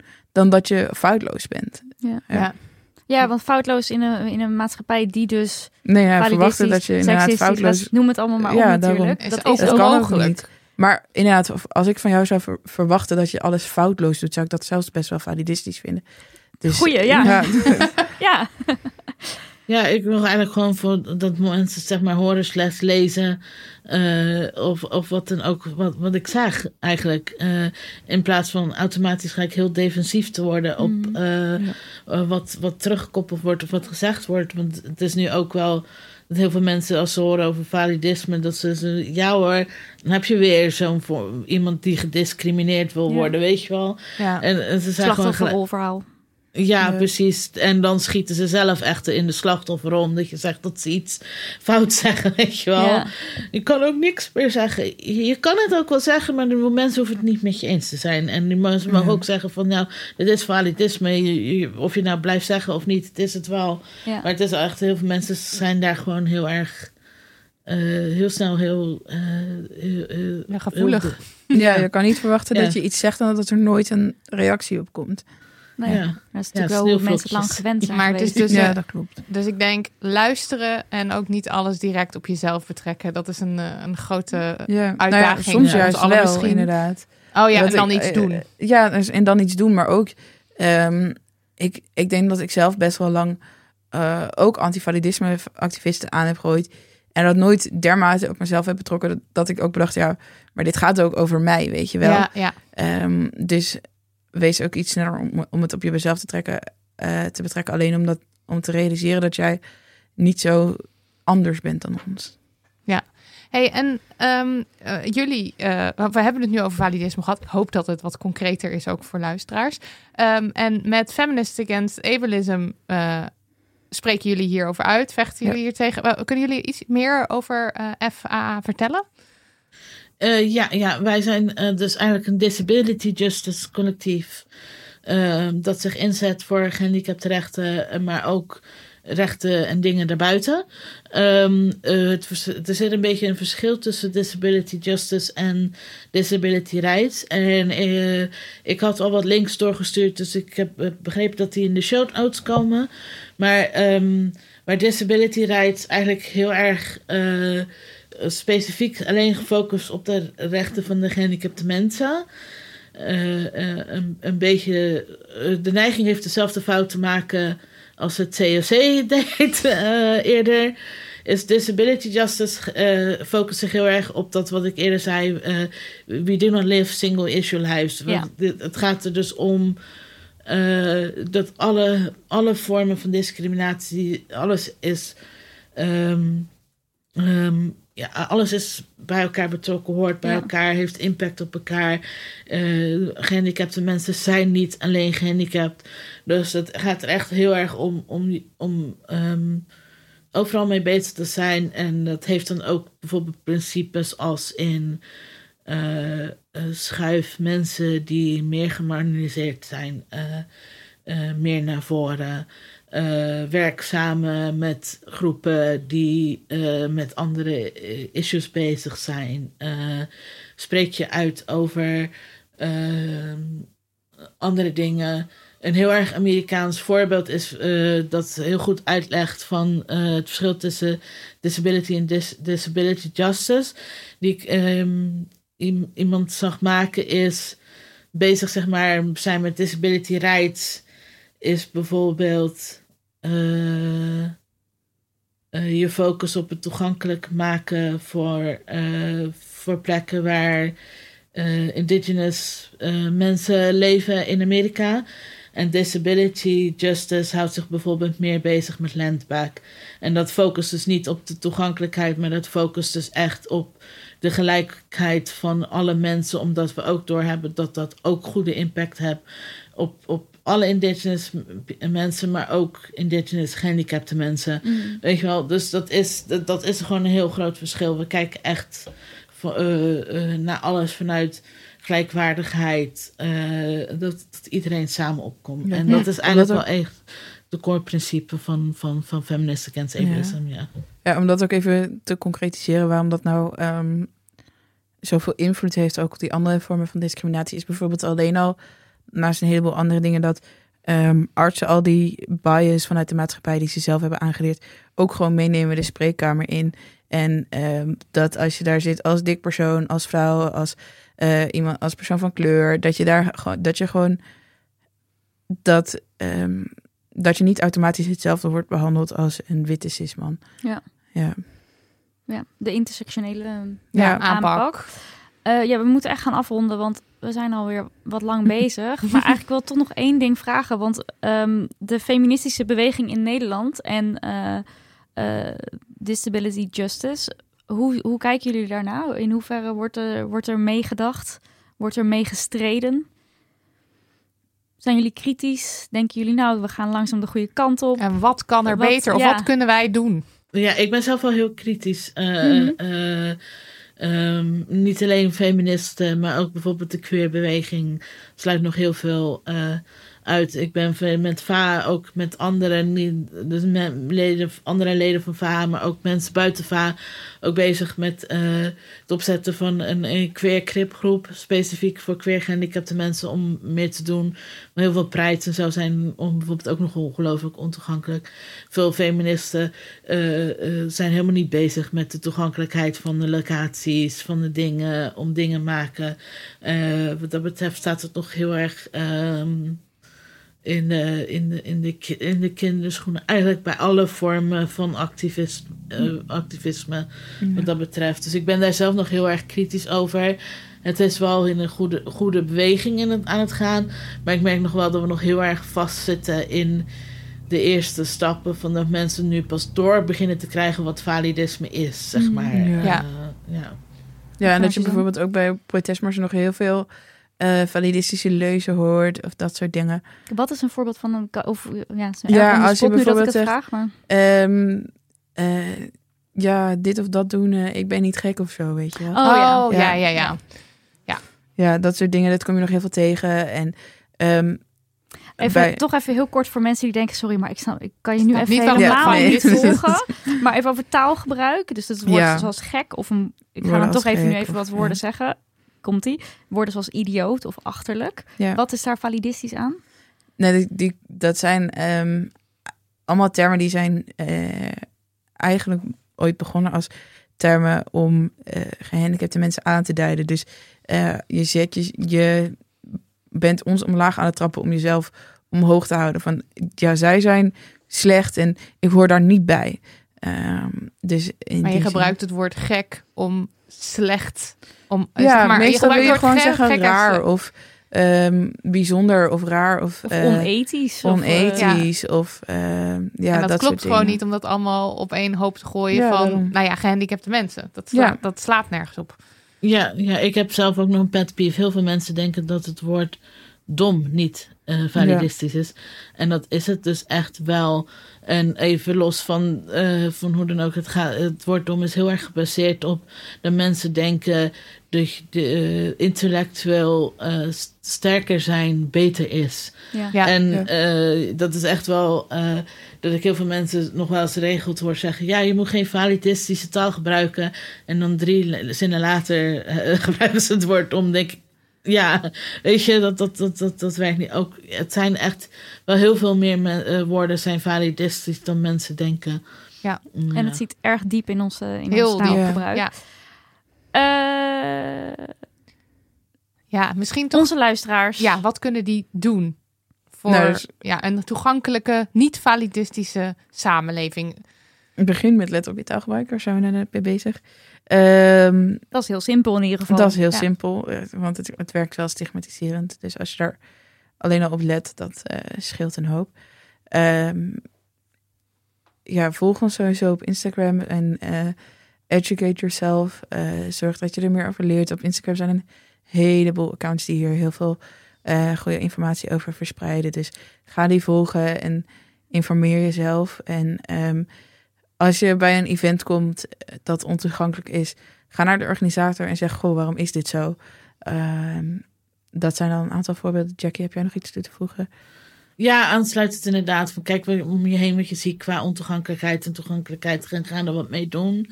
Eh, eh, inderdaad, wat ik zei, volg meer mensen en luister naar wat ze zeggen. En ook qua, als je vrienden om je heen hebt die gehandicapt zijn. Als je met ze op stap wil, neem wat, neem wat, neem wat van de dingen van ze over. Ga jij even een keer even bellen over het zit met de toegankelijkheid van de locatie. Doe dat soort dingen. Ja, en toch als risico weer terughappen. eh doe geregeld zelf testen. Draag je mondkapje, zeker in het OV en zo op plekken waar het kan. eh, eh, waar gewoon heel veel mensen komen, specifiek. eh, dus OV, eh, supermarkt, dat soort dingen. Ja. Eh, dus stop meehelpen aan het verspreidingsbeleid, zeg Ja. maar. eh. Let erop dat je je fiets niet op de stoep parkeert. Of voor, eh voor geleidelijnen. Of voor die, die kleine hellinkjes in de stoep of zo. Ja. Ja. Er, er is gewoon heel veel werk aan de Wat je kan doen, ja. ondertitel je video. Ja. Maak een transcript van je podcast. En voel je niet aangevallen bij al Nee, deze dingen. ja. Ja, of wel een beetje, maar gaat niet meteen... Nou ja, eh, je mag het op jezelf betrekken, Precies. zoals gezegd, maar dan voel je je niet aangevallen. Niet Ja. meteen zo Ja. van, en dan niet Ja. luisteren. Ja, Ja. precies. En, eh, en vergeet ook niet dat geregeld mensen juist tegen je zeggen dat iets validistisch is, omdat ze het idee hebben dat ze jou vertrouwen Ja. dat ze dat kunnen melden. Ja. Dus het is juist regelmatig een positief iets. Ja. Dit was aflevering 119. Heel, heel, heel veel dank Susanne. Heel, heel, heel veel dank Jackie. Dat jullie eh, je wijsheid eh, met ons wilden delen. Ehm, de show notes eh, met dus eh, de links die eh, genoemd worden, werden, de, de, de tweets, weet ik veel wat allemaal. Die vind je zo meteen, of zo meteen, die vind je nu al. Als je nu luistert, vind je het gewoon nu op demoney.nl slash aflevering streepje 119. En daar vind je een aantal dagen na de verschijningsdatum van deze podcast ook het transcript. Yes. Transcript, ik kan niet uitspreken. Transcript. Bedankt Daniel van der Poppen voor de edit, Lucas de Gier voor de jingles, Lisbeth Smit voor de website, een spraakmaker media voor het beschikbaar stellen van jullie studio en Melissa van der Zanden, onze stagiaire schat, voor alles. Die ik even Ze een werd net even heel hard geslagen. Sorry. door haar werkgever. Heel veel dank aan de transcriptmakers. De software van Amberscript maakt het uittikken van de afleveringen een stuk makkelijker. Dus dankjewel Amberscript dat we jullie software mogen gebruiken. Gratis en voor niks. We love you. En dank, dank, dank voor de transcripters die om de week keihard werken om binnen een paar dagen een volledig uitgetypt bestand klaar te hebben staan. Paulien, Juna, Yvonne, Imke, Melissa, Paula, Pieke, Guusje, Tess en Maaike. Stuur post naar info.damhoney.nl en geef geld op petjeaf.com slash damhoney als je zin hebt in bonusmateriaal. Of niet. zelf weten. Doei! Doei!